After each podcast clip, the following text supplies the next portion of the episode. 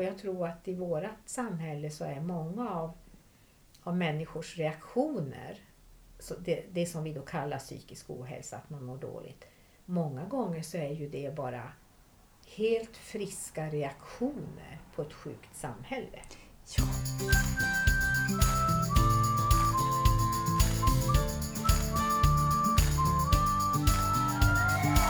Låt dig smittas av glädje i podcasten som förgyller din dag. Välkommen till Glädjepodden med Sandra och gäster. Välkommen till Glädjepodden Helena. Men tackar! Väldigt fint att vara med. Ja, väldigt menat också. Vi får ju berätta för lyssnarna här sen. Men först säger vi välkommen till dig som lyssnar också. Till Glädjepodden som idag kommer handla om glädje och sorg. Mm. Mm. Som vi har kommit fram till och som jag tror att de flesta också vet och känner att sorg och glädje sitter så tätt ihop. Mm. Sorg och glädje går hand i hand. Mm. Mm. Det är en del av livet. En del av livet, ja. Ja. Och du har jobbat med sorgebearbetning Mm. med ett eget företag tidigare. Och eh, just nu så jobbar du inte aktivt med det, eller hur? Nej, jag jobbar inte aktivt i mitt företag nu. Eh, Jag är också sjuksköterska i, i grund och botten så att jag jobbar även, tar på mig uppdrag också som sjuksköterska och har Mm. gjort det de sista åren. Mm. Så, men jag arbetar ju aktivt med det från ungefär 2013 till 2019 kan man säga. Ja. Vilket har varit helt fantastiskt. Ja. Och eh, någonting som verkligen, verkligen har varit människor till stor hjälp. Vilket Ja. jag är jätteglad över. Ja, Men du är så rätt person tycker jag också att hålla på med det här. Vi träffades ju i den vevan första gången där med Mm, ja, eh, när du höll på med ditt företag. ja. Och eh, sen så möttes vi nu, här, vi måste ju ändå berätta det här nu Ja, för måste lyssnarna. Jag, jag berättade ju tror jag om det här i ett avsnitt som jag pratade själv Mm. tidigare. Men vi möttes ju på Coop här för några veckor sedan. ja, Och då hade det inte var vi sett, jätteroligt. ja, vi hade inte setts på flera år. Mm. Och så stod du och väntade på mig efteråt. Mm. Och så pratade vi och så sa jag det. Jag bara, men du kanske ska vara med i Glädjepodden? Du bara, ja! Och då sa jag, ja men det ska jag. Ja, Så. exakt. Mm. Och eh, sen så träffades vi, sen har vi träffats på Coop i princip varje gång vi är på Coop Ja. känns det som. Absolut, helt oplanerat. ja, så det känns som så menat. Mm. Ja.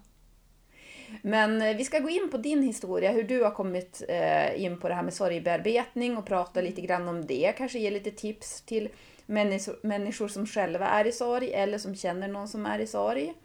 Men först så tänker jag att jag skulle vilja kolla läget med dig. Okej. Och eh, då ska jag vilja veta om du ska svara, ge ett ärligt svar. Hur mår du just nu? Ja, ett ärligt svar. Det är ju jätteviktigt. Mm. Eh, och då kan jag ju säga att eh, livet är ju, händer ju hela tiden. och eh, då måste jag bara berätta om gårdagen. Inte berätta allting vad som hände men igår, igår fick jag ett besked som jag inte tyckte så mycket om. Alltså Mm. ett besked som jag inte blev så glad över. Så igår var liksom en dag när jag faktiskt var väldigt ledsen. Och eh, började ompröva olika saker i mitt liv nästan. Eh, hur, hur, vilken väg jag ska fortsätta att ta. Eh, och då, jag vet att förra gången frågade du ju ungefär det här med måendet, alltså känslomässigt måendet, vad jag, vart jag då var. Mm. Eh, eller när vi har pratat och då, den gången nämnde jag en sjua. Ja just det, vi pratade tidigare om det här med en glädjeskala om man skulle vara så Ja, 1 till 10. Precis. Ja. Och då vet jag att jag sa sju. Mm. För det kändes som att det var, det, det var så. Det, var, det är ju alltid saker som pågår som gör att inte livet är på topp. Och det är ändå väldigt mycket som är bra. Och, och tillbaka till din fråga så ska jag nog säga att igår, då var jag nog på en femma. Mm. Och en femma för mig är, alltså jag känner mig väldigt lugn och trygg och det, har, det finns så mycket bra i livet. Så att en femma för mig, då är jag ganska, vad ska jag säga, neutral. Eller vad, vad ska man kalla det? Alltså, ja men en femma är en femma. Mm. Det är inte jättedåligt och inte jättebra. Men, men jag kan ändå se liksom allt som är gott. Mm. Eh, Men just nu så skulle jag nog ändå säga, efter att ha sovit i natt och efter att ha haft en bra förmiddag, så är jag nog tillbaka på en sexa eller en sjua. Mm. Mm. Vad härligt, för att jag tänker det att du sa att du var en femma igår och så fick, hade du fått något besked som inte var så positivt. Då tänker jag att du ändå är, en ganska, alltså du är ändå ganska stabil. Ja. För jag själv kanske skulle ha svarat två. Mm, nej, Ja. men det tror jag nog att, att jag är. Mm. Eh, tror jag både som någon typ av grundpersonlighet men sen har jag ju också arbetat mycket med min egen sorg. Vilket man måste göra om man ska hjälpa andra. Man Mm. kan ju aldrig leda någon längre än vad man har kommit själv. Nej, precis. Och jag brukar alltid tänka att jag kommer aldrig att våga dyka, alltså djupdyka. Men om jag skulle ändå göra det så skulle jag ju väldigt noga ta reda på vem den personen är som jag ska dyka med. Hur mycket Mm. erfarenhet har den personen, hur många dyk och så. Mm. Och jag skulle ta reda på referenser. Och så har jag sett på mig själv. Mm. Att jag själv har, har liksom djupdykt i min egen sorg, eller vad man ska säga. Mm. Och det gör att andra har kunnat dyka med mig i, i sin sorg. Om du är med i bilden. Mm. Mm. Precis, jag förstår. Och då, då är det ju också viktigt för mig att vara ärlig. Det har vi också pratat om det här att, att, att när man träffar någon man känner, det är ju ett talesätt. Hej, hur är läget? Ja Mm. men det är bra. Mm. Och det är ju egentligen ingen som vill höra något annat heller. Mm. Men om man vill göra någonting annorlunda så kan man ju faktiskt ta det på ett annat sätt. Man kan ju till exempel, som jag brukar göra ibland, om det nu inte är, jag menar är det jättebra så är det jättebra. Om det inte är det så kan, kan jag ju ibland säga att jo, alltså grundtonen är bra. Mm. Men det kanske är någonting som pågår som gör att det är väl sådär då. Men. Och då känner jag att då är jag mer ärlig.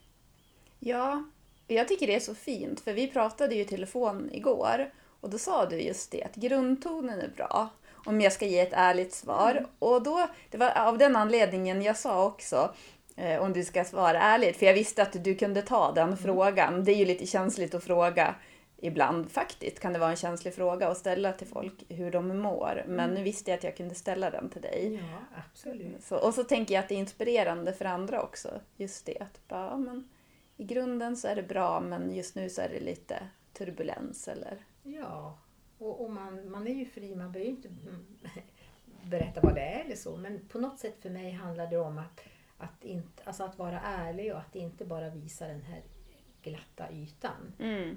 Som, som, vi, som vi, och den har man ju också såklart eh, i, i vissa lägen. Men, Det kanske också beror lite på vem man träffar. För Ja. om man träffar personer som man vet kanske inte vill ens bästa. Då, tror jag, då, kan det också, då skulle nog jag i alla fall lätt säga ja men det är bra. Mm. För du ska inte ha någon inblick i mitt liv. Mm. Mm. Så kan det vara. Då är det Ja. mer att man tänker att man skyddar sig själv. Ja, Och det är ju inte fel. nej. Men just därför får jag bara säga det nu så här, till alla som lyssnar. Att jag litar på alla som lyssnar för här kan jag vara ganska ärlig. jag känner så här, alla som lyssnar vill mig väl. ja. Men nu är du här, efter många möten på Coop så Ja. är du här i Glädjepodden. Ja, det känns både fint och spännande tycker jag. ja. Mm.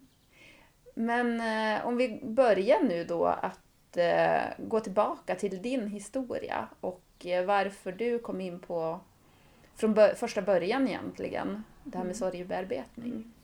Alltså det har ju med min, min kära pappa att göra. Mm. Att han, eh, han bodde i Lycksele då, han var 53 år, han och mamma bodde i Lycksele och pappa var då, han var, en, han var entreprenör, han var visionär, han hade fullt upp. och eh, han, han eh, var också en av de drivande för att Hotell Lappland finns idag. Så han var mycket Mm. engagerad där. Eh, men sen då så, och jag jobbar här i Umeå då som sjuksköterska och sen får jag bara ett samtal från min mamma en tidig morgon att pappa hade varit borta på natten och inte kommit hem. Mm. Och vi förstod ju som ingenting. Något hade hänt, han hade aldrig gjort någonting sånt. Eh, och mamma bodde ju som sagt i Lycksele då så att vi åkte ju hem och det blev ju så då att pappa hittades dagen efter i Lycksele och han hade då tagit sitt liv. Mm. Han var 53 år och jag var 28 år. Och det är klart att det här har färgat mitt liv, självklart. Det var ju, ja men det blir ju, det är ju liksom bara kaos och trauma och, och så. Och man tänker ju att man aldrig ska överleva något sånt. Att Ja. någon man älskar väljer.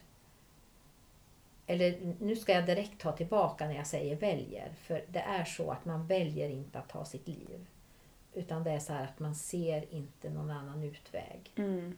Men jag har själv sagt väl, att man väljer att ta sitt liv. Men det vill jag verkligen säga att det, det är fel sagt. Utan en människa som tar sitt liv ser ingen annan utväg. Mm. Det är ingenting man aktivt väljer Mm. på det viset. Ja, eh, men sen så var det ju så att livet fortsatte. Jag tyckte väl att jag hade bearbetat allting och jag vet att pappa dog i juni och under hösten, någon gång under hösten så vet jag att jag skrattade första gången. Spontant, som bara kom. Mm. Och då, då visste jag ju att nu på något sätt är ändå livet på väg tillbaka. Ja. För jag var ju helt övertygad om när pappa dog att jag skulle aldrig hela mitt liv kunna skratta. Mm. Alltså jag var verkligen helt övertygad om det. Sen gick ju livet och jag fick barn och jag utbildade mig och ja, men, levde det här Svenssonlivet. Mm. Eh, och sen skulle jag då, när jag själv närmade mig 53 års ålder. Och då bodde jag i Skellefteå, jag var förlovad, jag skulle, vi skulle gifta oss, jag hade ett fantastiskt jobb, hade varit med och startat upp ungdomshälsan i Skellefteå. Och eh, ja, eh, men jag, kanske ett år innan så vet jag att jag behöver göra någonting. Eh, det år jag fyller 53 år. Mm. Och det var ju egentligen starten på min resa. Så jag sa upp mig och eh, ja, gick alltså en helt annan väg. Mm. Som också gjorde att jag omprövade även både mitt arbetsliv och mitt privatliv. Och utbildade mig sig inom sorgebearbetning. Och började arbeta med det. Så det är egentligen ja, det som är grunden. Hur kom du på det? Mitt i allt det där. Ja, jag, hade, jag visste att jag skulle göra någonting. Alltså när jag sa upp mig hade jag ingen aning om vad jag skulle göra. Jag visste bara att jag skulle skapa någon typ av mötesplats för människor. Mm. Då trodde jag att det skulle vara i fjällvärlden och det skulle vara unga människor. Ehm, och jag hittade så småningom eh, något som heter Krinova, en, en fantastisk inkubatorplats och började då. Men hittade inte rätt riktigt och eh, bad att få ett möte med en person som vi känner båda två. Hon Mm. heter Lena. Mm. Hon vet ju det här. Så Ehm, och hon sa till mig, men Helena, du borde ju arbeta med trauma. Jag tror hon sa trauma. Hon sa inte ordet sorg, men hon sa trauma eller något sånt. Jag ska skicka en länk till dig. Och så skickade hon då en länk eh, som heter www.sorg.se. Och det var då Svenska institutet för sorgbearbetning. Mm. Och det var där jag utbildade mig sen. Ja. Och bearbetade då min relation till pappa till att börja med. Och det Ja. var helt fantastiskt. Eh, Det var ett eh, riktigt genombrott för mig. Kunde du känna då att det var mycket som du inte hade hunnit bearbeta? Oh ja, oh ja. ja. Och den här sorgen efter honom följde ju med då när jag sen separerade då från min sons far. Mm.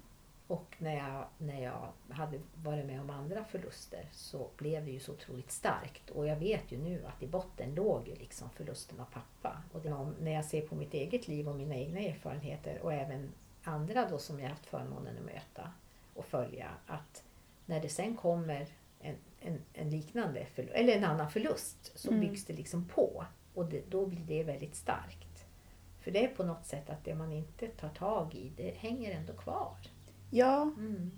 för det där har jag upplevt själv att det blir som att om man inte har tagit tag i någonting då, be- då upplever man det om och om igen fast i olika sammanhang. Mm. Och sen är det egentligen så att, att det är ju så enkelt egentligen för att jag får, har ibland fått frågan vad innebär det egentligen vad är sorgebearbetning egentligen? Alltså vad är sorg? Sorg är ju mänskliga känslor som är smärtsamma som vi får när vi förlorar någonting. Mm. Eller hotas att förlora någonting. Eller kommer på att vi har saknat något ett helt liv som vi fortfarande inte har. Mm. Alltså det är så mycket. Det är liksom inte bara dödsfall som vi tänker i Sverige utan det är konflikter och det är missbruk och det är svek. Det är förlust av tillit, förlust av kontroll. Det finns ett helt spektra av saker som har med förluster att göra. Som, Ja. vi, kan för, som vi kan förlora. Så, och allting handlar egentligen om att det finns någonting som är outtalat av känslomässig natur. Mm. Det finns saker som är osagda. Till exempel för mig när pappa dog så stod ju jag där med massa ord. Och det största ordet var ju varför. Mm. Men jag stod ju med en massa ord som var osagda och jag kunde inte få svar. Mm. Men i här, den här metoden och i det här sättet att göra ett sorgarbete så fick jag ställa de här frågorna. Eh, och göra ett avslut. Mm. Om man säger prata med honom. Ja. Eh, och göra, det här är ju väldigt förenklat, men mm, göra ett avslut. Och under tiden så hade jag de människor som lyssnade på mig. Mm. Och de människorna, de lyssnar bara på mig utan att analysera eller kritisera eller ge goda råd eller tips. Utan lyssna bara. Mm. Och det är ju som en del av, av den här metoden. Då. Mm. Mm. Jag tycker det är jättefint att du säger just det här med sorg, att det inte bara är dödsfall.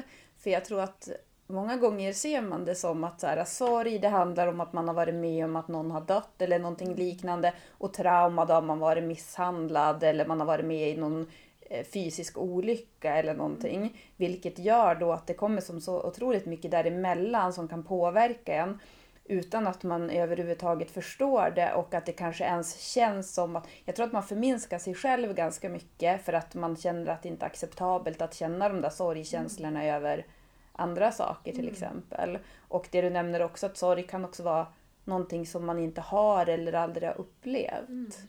Jag tycker det är så fint också att det kan vara, alltså sorg kan kännas ungefär som, om vi, vi tar då att någon dör. Mm.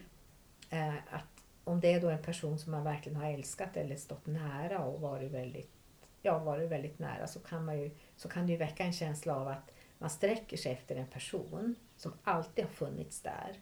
Och så upptäcker man att den här personen finns inte för Mm. mig just nu när jag behöver den här personen så väl. Men det kan ju också vara det som är lika smärtsamt. Att, man, att det känns som att man, man sträcker sig efter någon som aldrig har funnits där. Mm. Och som inte finns där nu heller när jag behöver. Mm. Och det är precis lika smärtsamt. Och det är sånt som man kanske inte tänker på. Nej. Att man kan, liksom, man, kan, man kan förstå att man alltid har saknat någonting. Mm. Och det är också en sorg. Ja, verkligen. Och sen tycker jag också, du pratade innan här så hade vi på att prata lite grann och så berättade du om en sån här eh, leksak. Du gjorde en jättefin eh, parallell där. Du får gärna ta den och berätta den för lyssnarna också. Ja, du tänker det här, men då var det mer det här om att, att man går sin egen väg. Eller man, Ja. Är det det du tänker på? Ja, för att jag tänker att det du pratar om nu, det här med att man saknar någonting som man kanske aldrig haft eller så. Det kanske också har att göra med att man har försökt passa in någonstans där Ja. man inte passar in. Mm. Nej, men jag tyckte det är så fint för att min son hade ju då en leksak som många barn har. Den här som är som en låda då.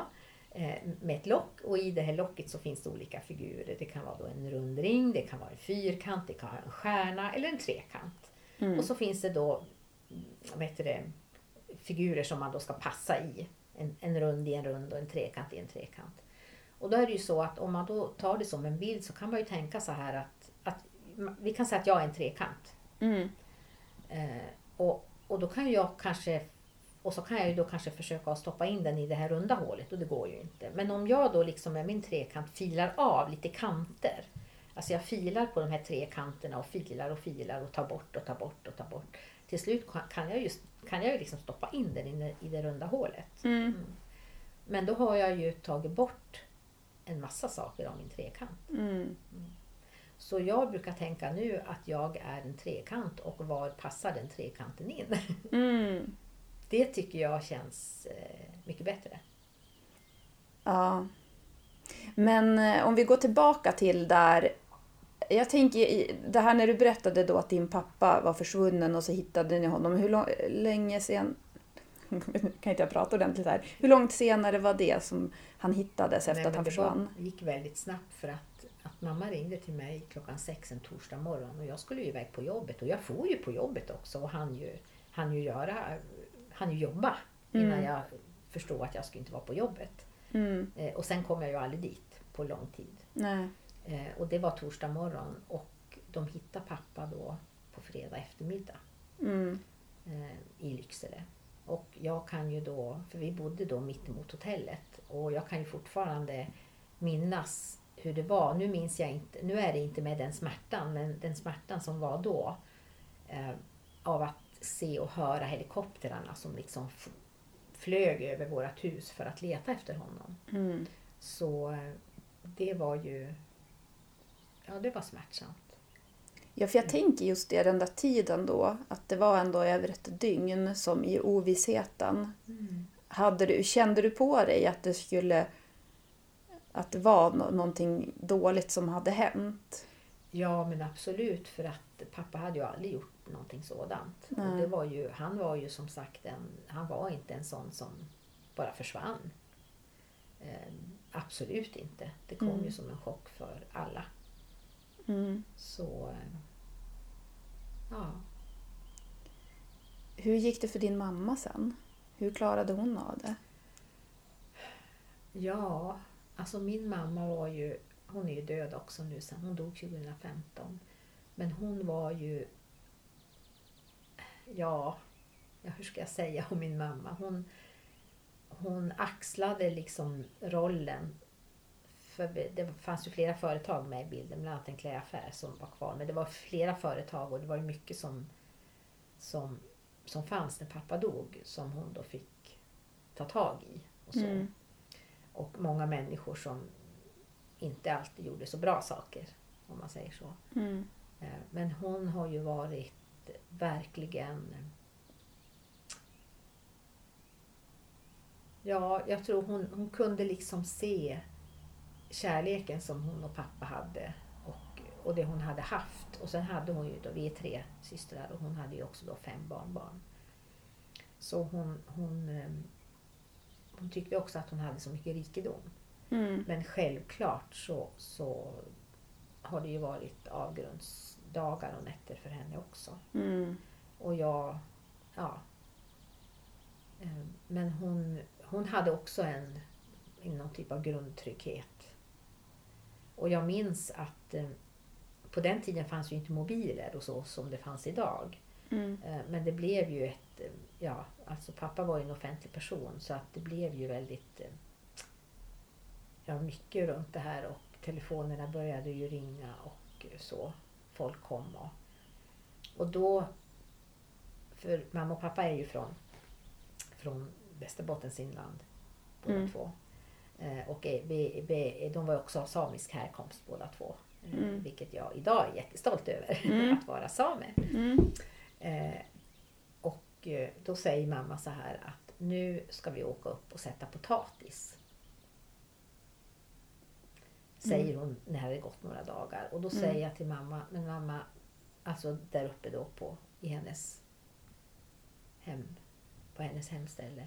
Mamma, hur kan du tänka nu på att sätta potatis? Och då säger hon, det kommer en höst och då vill vi ha potatis. Mm. Och det tycker jag säger någonting om henne. Mm. Hon hade den där förmågan. Hon stod väl liksom med sina båda fötterna i den västerbottniska jordamyllan. Ja. Jag vet inte om det här är en känslig fråga att fråga, men du får, du får bara passa på den om det är så att du känner att det är det. Men har du någon aning om varför han tog sitt liv? Nej, inte, inte liksom så. Nej. Ehm, det fanns ett brev men det var liksom bara... Nej, det var ingenting. Ehm, det, fanns, det var några händelser som hade hänt och, och han, han, han hade svårt att sova. Det vet jag. Mm. Och jag vet ju nu vad sömnbrist kan göra med Mm. en människa.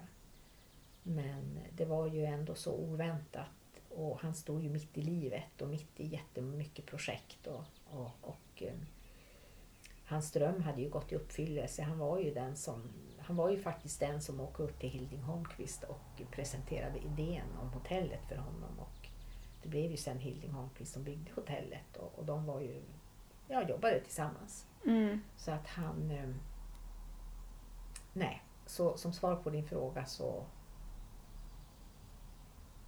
vet inte. Nej. Sen kan man alltid tänka olika saker men det är ingenting man vet. Och det, det, har ju, det, det har jag ju på något sätt fått lära mig att leva med. Kände du dig okej med det, att du inte vet? För du sa det där i början att du undrade, alltså din fråga det var varför. Ja. Jag kan nog säga så att fram till att jag, fram till att jag hittade den här metoden att, att göra ett sorgearbete på. Sorgearbete, alltså faktiskt det man gör är att man kommunicerar ju sina känslor och man, man, man kommunicerar ju och pratar ju med den personen. Man gör ett sorgearbete. Mm. Eh, Så efter, efter att jag har gjort det så har jag aldrig haft den känslan på samma vis. Nej. Och då kan man ju säga, det finns en, en för, för det kan ju låta lite mystiskt när man, vad, vad innebär det? Men det är också en fin bild igen. Jag tycker om metaforer och bilder. Mm. Och, och den är så fin och jag vet att många har, har tyckt om den. Och vi säger att du och jag pratar med varandra i, mobil, i mobilen. Mm. Jag är någonstans uppe i fjällvärlden och du är här i Umeå. Mm. Och så sen pratar vi och så har vi kanske liksom, vi är i princip kanske klara men det bryts och vi har inte sagt hej då. Men Mm. samtalet bryts. Mm. Och vad händer oftast då? Då ringer man ju oftast upp och säger hej då. Ja, exakt. Alltså då ringer Mm. man upp och säger så här, ja men okej vi kanske var klara, men Mm. var vi klara? Ja men vi var klara. Ja men okej, ja men då avslutar vi. Mm. Och det är ungefär det som man gör. Det är en bild på det här sorgearbetet. Alltså Ja. man ringer upp en person Ja. och den personen kan vara död. Eller den personen kan vara levande men Mm. inte vilja ha kontakt med mig. Alltså jag har förlorat en person, Mm. död eller levande. Men den personen vill inte ha någon kontakt med mig eller Mm. prata med mig. Men jag kan göra det eh, utan den personens utan den personen. Men jag gör det för min egen skull. Mm. Och, och just det här att man, man gör ett avslut. Det är det som är det viktiga. Att vi, behöver få, man, vi behöver få sätta ord på känslor. Mm. Och, och då kan jag ju bara säga jättekort att det som utmynnade egentligen var att jag behövde sätta ord på allt jag kände.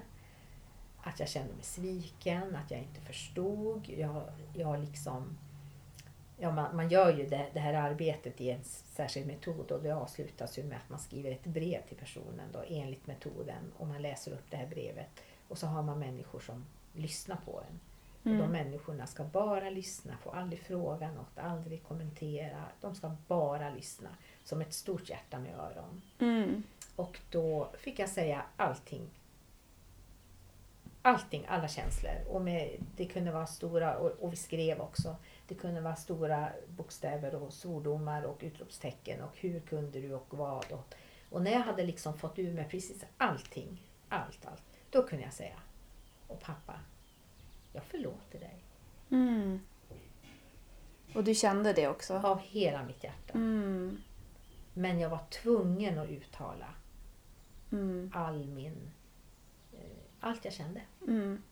Och det många upplever, det är ju att, att om man har det svårt på något sätt så vill människor trösta. Och det här, vi vill det, det är ju välmen, välmenande. Mm. Eh, att vi vill trösta. Men vad innebär det då egentligen att trösta? Mm. Trösta är ju egentligen att försöka få någon att känna annorlunda. Just det. Oftast är det ju en som är ledsen. Att om jag vill trösta dig när du är ledsen, då är det ju för att jag önskar göra någonting så att du känner dig annorlunda. Mm. Kan det också vara att jag känner att jag är lite obekväm i att du är ledsen och så vill jag att du ska bli glad Ja. för min egen skull? Absolut, för vi vill heller inte belasta andra. Mm. Det är jättevanligt. Men sen då stöd, vad är det då? Mm. Det är det, tänker jag, då det här hjärtat med stora öron. Ja, och då tänker jag att vara ett stöd, det är ju då motsatsen. Det är ju att låta någon få känna det den känner. Mm. Alltså att om någon är ledsen så får den vara ledsen. Om den är arg så får den vara arg. Mm. Men att, att, att finnas där och ge stöd, det är ju alltså att låta någon få vara som den är utan att försöka förändra. Mm. För vi, vi gör det här av gott hjärta för vi vill hjälpa. Det är Mm. oftast välmenat. Men vi kommer med intellektuella kommentarer. Ja men han var väl, eller hon var väl inte bra för dig. Tänk om någon har dött gammal. Den har ju fått leva så länge. Mm. Och tänk vad bra. Eller allt som vi försöker säga till varann.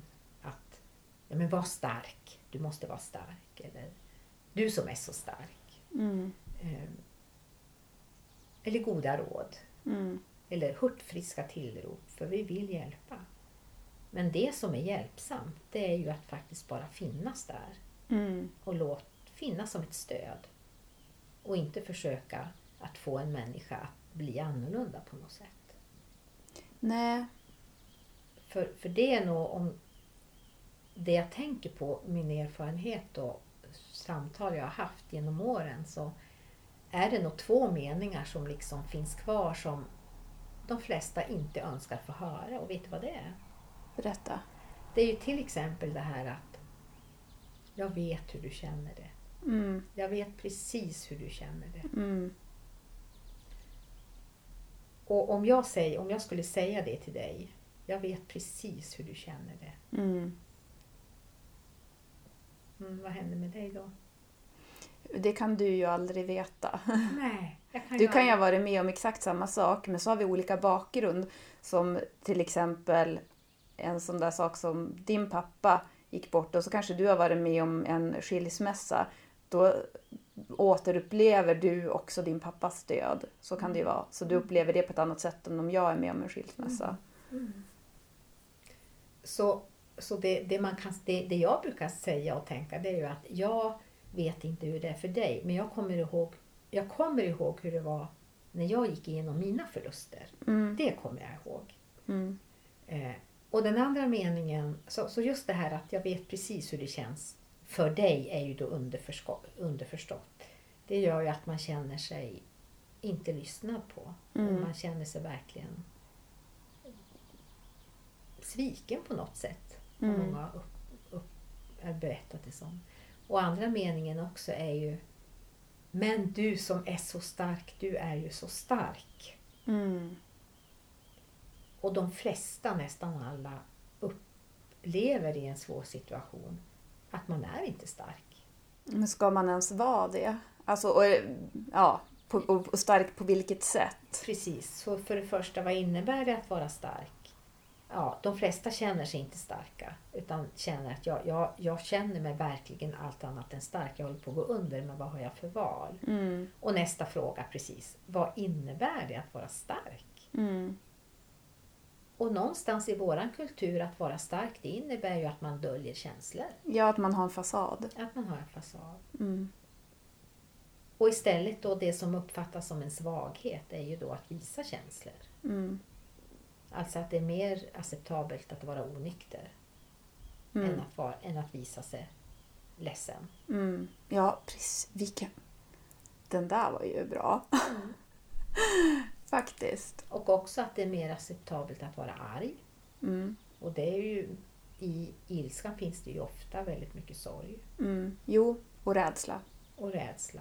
Och, och det är också oftast ja, men lättare att visa sig kanske arg. Det är också Mm. mer accepterat än att vara ledsen. Mm. För de här orden med att man bryter ihop, det är ju också en svaghet för Mm. många då. Och vad är det att bryta ihop? Ja, men det är ju oftast en helt normal och naturlig reaktion på någonting svårt. Mm. Vi behöver kunna få visa våra känslor och det är svårt i vårt samhälle Ja. för många. Och det är också så att, att det här är ju ingenting som, som vi vill heller. Det är starka känslor så vi vill ju helst fly ifrån dem. Mm. Eller hur? Alltså, ehm, och det är också väldigt tydligt i vår kultur. Det finns ju tusen sätt att fly jobbiga Mm. känslor. ja. Så. Jag drömde här om natten och jag undrar om det hade kanske lite med att göra att du och jag skulle träffas. Kanske. Men jag drömde i alla fall om den här filmen med Lady Gaga och Bradley Cooper. Har du sett den? Mm. Mm. Alltså, ja. Eh, det, det är en av de filmer jag har gråtit mest till. Jag höll på att säga den jag har gråtit mest till, men jag kom på den här filmen om den här hunden också. Hachiko, har du sett den? Okej, nej, den har jag inte sett. Men nej. du måste se den. Den har jag inte sett. Men den är så himla fin. Det är en sån där som jag bara verkligen har hulkat till. Okej. Men eh, jag såg den här på bio i alla fall. Och sen efteråt, alltså jag kunde knappt ta mig hem. Och jag, min kompis frågade då, men Sandra, är det någonting du vill prata om? för att jag grät så himla mycket. Men det var just så här, jag kände in den här, för han tog ju livet av sig på grund av att han kände sig ju inte tillräcklig. Och eh, det där kände jag in så starkt. Och jag tror att det är så många som kan känna så och kanske särskilt män också. Mm. Att de känner sig inte tillräckliga. Mm. Och eh, att det inte är så lätt heller eftersom att det inte eh, det här med att visa känslor. Men har du något tips till människor som själva mår dåligt eller är i sorg? Eller? Oj, det finns mycket att säga om det men, men det jag tänker egentligen det viktigaste det är ju att att vi behöver, alltså det viktigaste är egentligen att, att veta och tänka att sorg det är någonting som är helt normalt och naturligt. Mm. Alltså det är en, det är en smärtsam känsla. Eh, och den utlöses ju av någon typ av förlust eller en livsförändring. Alltså en, en förändring från sina rutiner i vardagen. Det kan ju vara att man går i pension eller barnen flyttar hemifrån. Eller, det kan ju vara så mycket. Mm. Men just det där att man är medveten om och att det är okej Mm. Att vara ledsen och låta liksom sorgen ha sin gång. Och sorgen är ju ingenting som behöver liksom fixas eller medicineras. Nej, precis. Och sorg kan ju också liksom likställas med depression. Och Mm. det är ju också så att om du då går till sjukvården så behöver ju också läkare sätta en diagnos. Och det finns ju som ingen diagnos för sorg. Mm. Sorgen är ju no- normal och naturlig. Mm. Och jag tror att i vårt samhälle så är många av, av människors reaktioner, så det, det som vi då kallar psykisk ohälsa, att man mår dåligt. Många gånger så är ju det bara helt friska reaktioner på ett sjukt samhälle. Ja, tack. Ja, jag tänker också det att eh, mycket av den här psykiska ohälsan som jag har talas om, det känns som att så här, ja, men det är mera eh, sundhetstecken Ja. eftersom att vi lever i ett sjukt samhälle. Mm.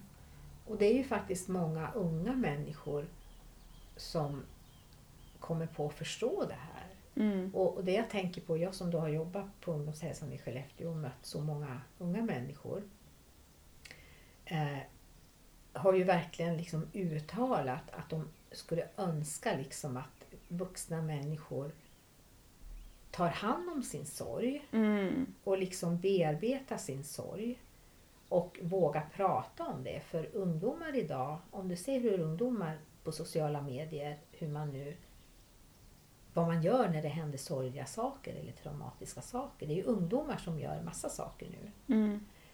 på ett bra sätt. Hur man visar liksom, hur man drar i... Ja, men, vi vet ju vad som, hur, hur det visar sig med olika evenemang och med blommor och ljus och hur man samlas. Och det är ju bra, men ungdomar efterlyser ju oss vuxna där. Mm. Så jag tänker att vi vuxna har ju ett oerhört stort ansvar där att, att ta hand om våran sorg och, och våra trauman och vara vuxna som kan finnas där och lyssna på oss. För det är ju det ungdomar skriker efter. Mm.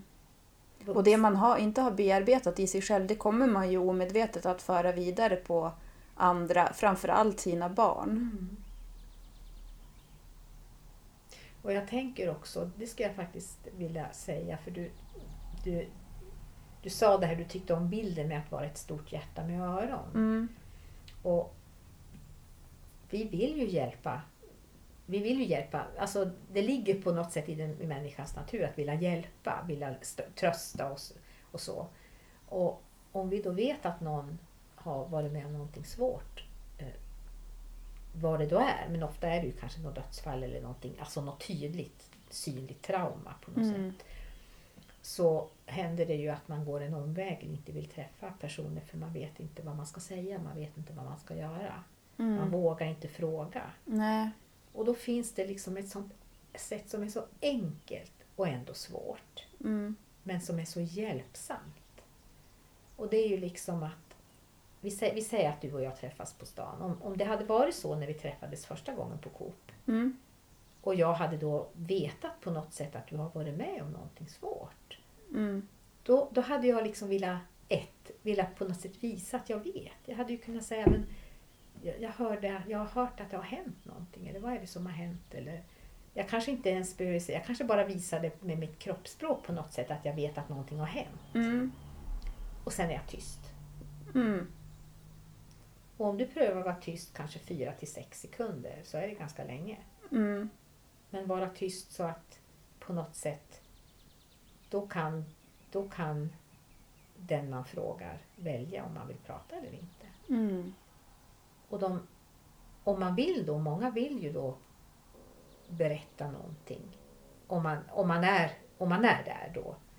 Och då kan nästa fråga vara, hur fick du, hur fick du reda på det här? Eller hur fick du veta om det?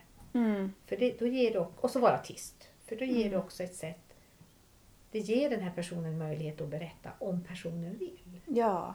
Personen kan också säga, men jag vill inte. Men, men Mm. okej, du kan få ett nej. Mm. Men då har du ändå visat att, ja men här finns en person, jag finns här. Bör man göra det om det är en väldigt så här, ytligt bekant person? Som man kanske annars, om vi säger att det är en sån person som är så pass bekant att man, om man skulle stöta på den annars bara skulle säga kanske hej, hur är läget? Eller knappt, man säger mest bara hej. Nej, alltså det där är ju från stund till stund. Men, men det jag vill förmedla det är att det kan aldrig bli fel om du Nej. gör som du känner. Mm, För det värsta är att bara låtsas som ingenting har hänt. mm, Eh, och det säger ju i princip alla. Mm, Alltså, eller inte alla, men alltså det, det är ju, de flesta upplever ju att det värsta är när man låtsas som att ingenting har hänt eller går en omväg. mm, Och, och då, det kan ju vara svårt att säga något med ord och då kan man ju bara visa och där har jag ett jättefint exempel att man behöver inte säga ett enda ord. Och det var min mamma då som var inne på en affär eh, efter att pappa hade dött. Och, och alltså de, de var ju, ja men pappa var en offentlig person och, så. mm, Så att han var ju känd i Lycksele. Och mamma går in på den här affären. Och då kommer det en kund. mm, Hon har bara benämnt personen som en kund mm, och bara tittar på henne. Och så tar hon bara runt axlarna. Hon, bara Mm. tar, hon säger inte ett enda ord, hon bara tittar på henne. mm, Och mamma, alltså jag blev nästan alldeles rörd nu för mammas ögon tårades hela livet. Varje gång hon berättade om det. mm. Det var som en ängel. Wow. Och den personen sa ingenting. Mm, Så det kanske räcker bara att du kanske bara tittar, håll kvar blicken eller på något sätt visar att jag, först- jag vet att någonting har hänt dig. Och då Mm. ger, då, då ger personen ett val. mm, För det är ju så att vi berättar bara när vi känner att mottagaren vill ta emot det. Eller Mm. hur? Vi, precis. vi känner av sånt vi människor. Och att man låter allting handla om den personen som är i sorg och lämna sig själv utanför det. Så att inte så här, gå in och bara nu ska jag visa att jag kan hjälpa dig eller något åt det Precis. För det som händer då, om vi tar Mm. samma situation att du och jag ses Mm, och, och du, du börjar berätta någonting om vad du har varit med om. mm, Och då är vi funtade så vi människor att för mig då, på en millisekund så blir jag påmind om det som hände mig mm, och då vill jag berätta det. mm, Så då är det väldigt stor chans, eller risk, mm, att jag börjar säga "Åh, vet du precis vad det var för mig? Och då börjar jag berätta min story helt plötsligt. mm, Och vad hände med dig då? Du, som, hade- du hade ju börjat berätta. mm. Så behöver jag lite ta hand om dig också. Ja, och då tystnar ju du. Mm. Och din story blir ju helt plötsligt, då kommer jag i fokus. Mm, Så istället så är det ju jättefint om man kan träna sig på att faktiskt tänka att nu är jag ett stort hjärta med öron, alldeles tyst, som bara lyssnar. mm, Och vet att det handlar inte om mig. mm, Det handlar inte om mig. mm, Utan nu lyssnar jag bara. mm, Och jag behöver inte komma med intellektuella kommentarer, goda råd. Jag behöver inte analysera eller på något sätt fixa. Utan mm, bara lyssna. mm. Det är hjälpsamt. Jag tänker också en sak här nu innan vi börjar avsluta. För eh, enligt statistiken så är det ju väldigt många som tar livet av sig nu och det är också väldigt många som tänker tanken. Och en tanke som jag har, det är nog att eh, många gånger, för att man vet inte om det är någon som lyssnar som kanske har tänkt den här tanken eller går omkring med de tankarna nu Eh, eller känner någon som gör det. Men eh, en tanke jag har där, det är nog att om man vill ta livet av sig så kanske det egentligen handlar om att man verkligen vill leva. Absolut. Att det är att man är i någon situation som är ohållbar och man vet inte hur man ska ta sig ur den situationen för man är så spyless på att inte känna sig levande. För jag tror att det är det, att det är så många som kanske går omkring och inte känner sig levande. Och därför så vill jag säga det också nu ifall att det är någon som lyssnar som känner någon eller som själv tänker tanken att det inte behöver vara så sjukt som man kanske tror. Utan det kan vara ett tecken på att du är en fantastisk person som verkligen vill leva. Absolut, och många säger ju som har överlevt, säger ju precis de där orden, att det var Mm. inte så att jag ville dö, men jag orkade bara inte leva som det var just då och jag såg ingen annan utväg. Mm. Och man vet också nu med den forskning som finns idag att människor som har överlevt har kunnat berätta att de ångrar sig i samma stund som de gör det här försöket. Då. Mm. Men de har ju överlevt och kunnat berätta. Mm. Eh, och då är det ju så att tänka sådana här tankar är ju jättevanligt. Mm. Jätte, jättevanligt.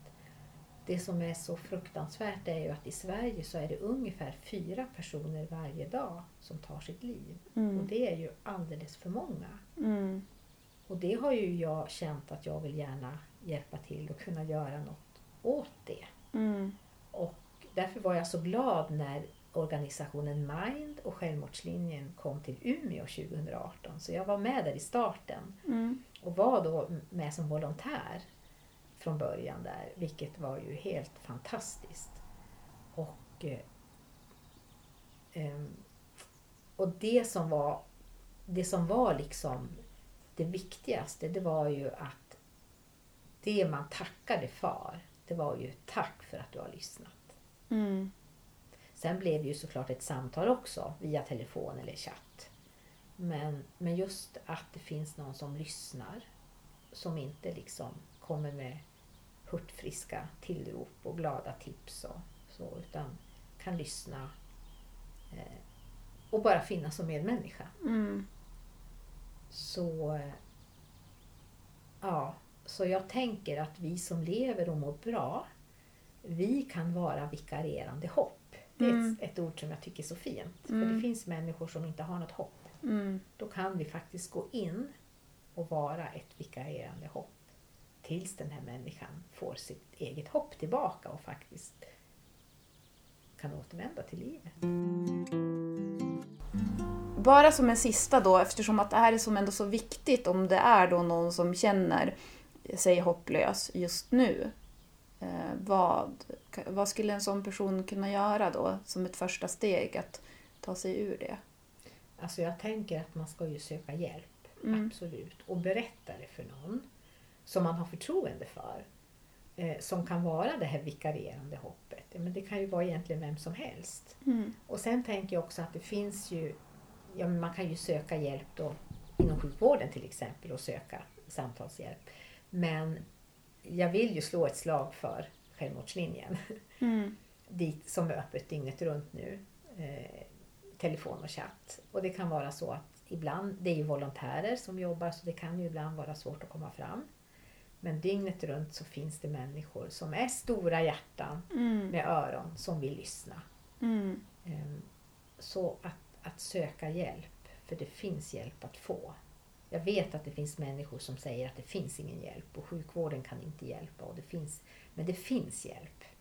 Ja, och så vill jag flika in här då också, om man är en sån person som har förmånen att få hjälpa en person som är i den här situationen, att då ta det på, se det som en förmån och eh, att också inte se den personen som att den är så himla sjuk eller att det är så stor grej eller att det är så stort fel på den utan att försöka som se den personen ehm, faktiskt också så här, det här är en person som verkligen vill leva så himla fint.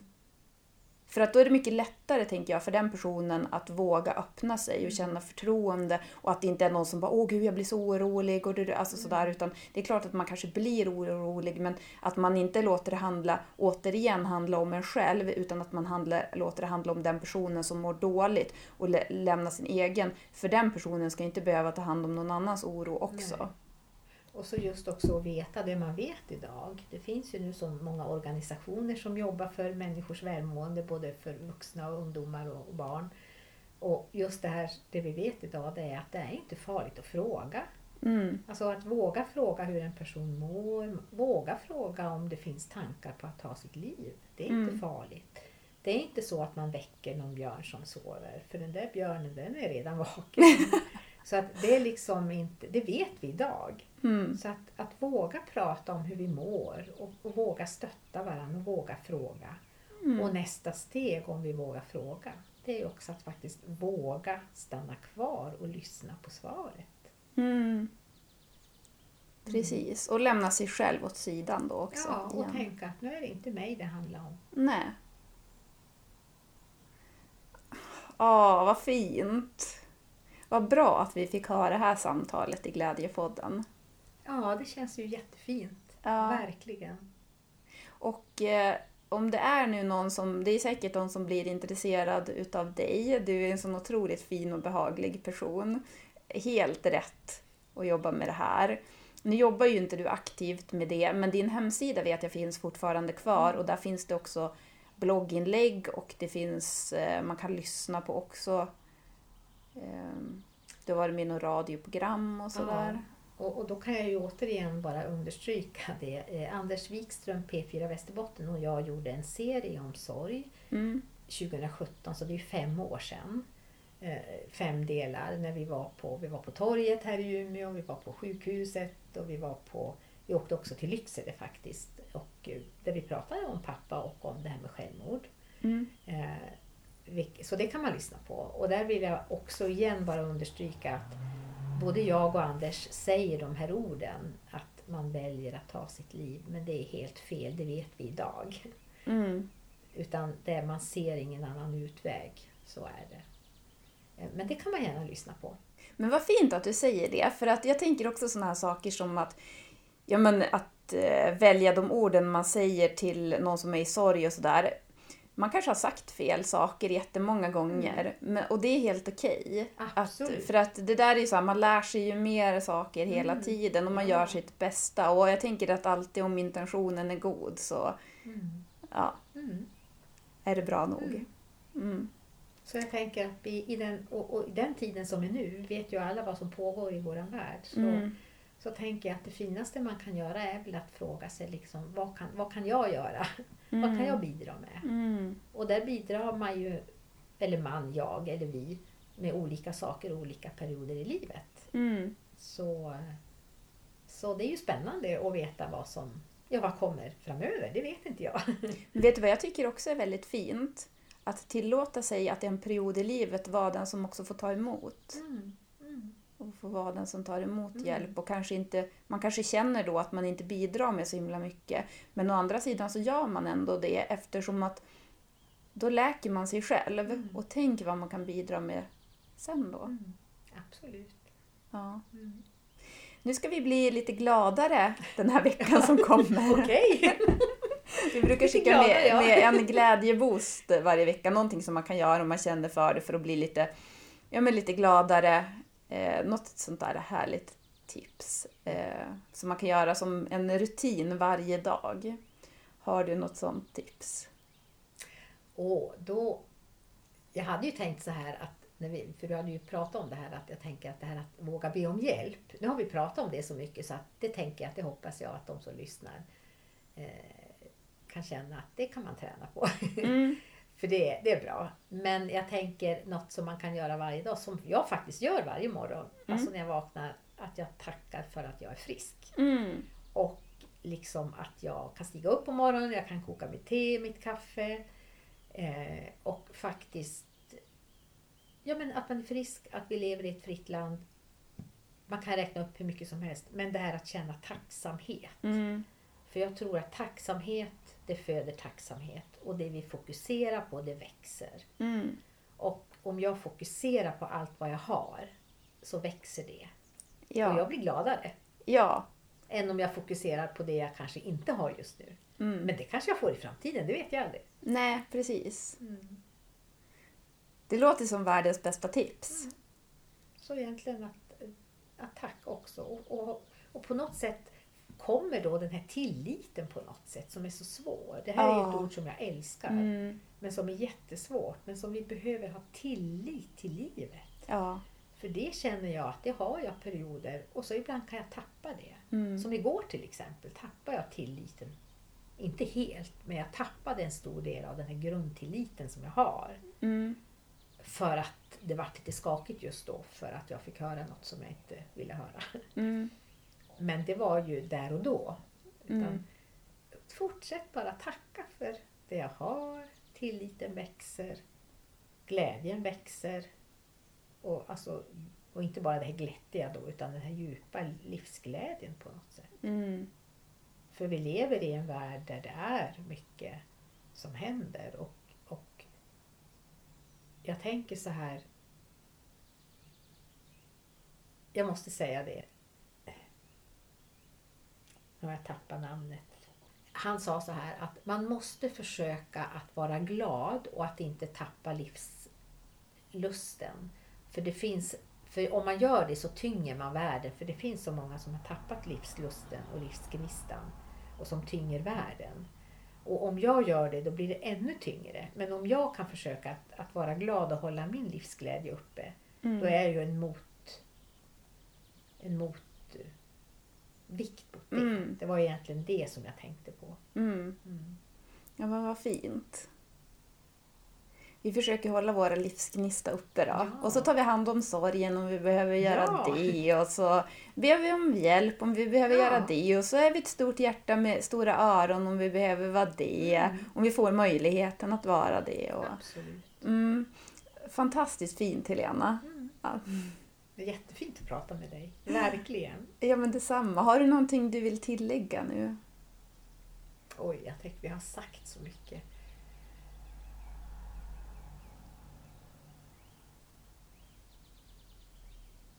Var rädd om det. Ja, Kanske. ja. Du är viktig. Mm. Mm. För att det är en sån där sak som man vet faktiskt aldrig hur mycket man eh, betyder för andra människor. Nej. Att eh, så här, jag kan tänka på det att det finns personer som de vet inte ens om att de betyder någonting för mig. Men av någon anledning så har jag hittat någon form av så här, bara att den där personen finns så gör, gör att jag känner mig trygg. Mm. Och då tänker jag så här att ja men kanske är det som att någon känner så för mig. Mm. Och det är ju, så är det ju för alla. Alla betyder ju någonting. Absolut. Så att det, får vi påminna oss om. Ja, Ja, och så får vi säga det också till den det berör så den får veta det. ja men precis. Exakt. Mm. Jag har Peter Eklund, jag har sagt det till honom också. Han har men också varit bra. med i den här podden. Men det är en av dem, men det finns ju fler också. Ja, Så att, Men ja. vad bra att du har sagt det så då vet han det också. ja, exakt. Mm. men eh, ja, nu kommer jag flika in här ett till litet glädjetips innan vi avslutar. Det kan man ju också till, nu, till dig som lyssnar då. Vem har du i ditt liv som du inte har sagt att den betyder någonting, bara för att den finns? Mm. Ja, var rädd om er. Ja, Vi avslutar så. vi avslutar. Det blir slutorden. Ja.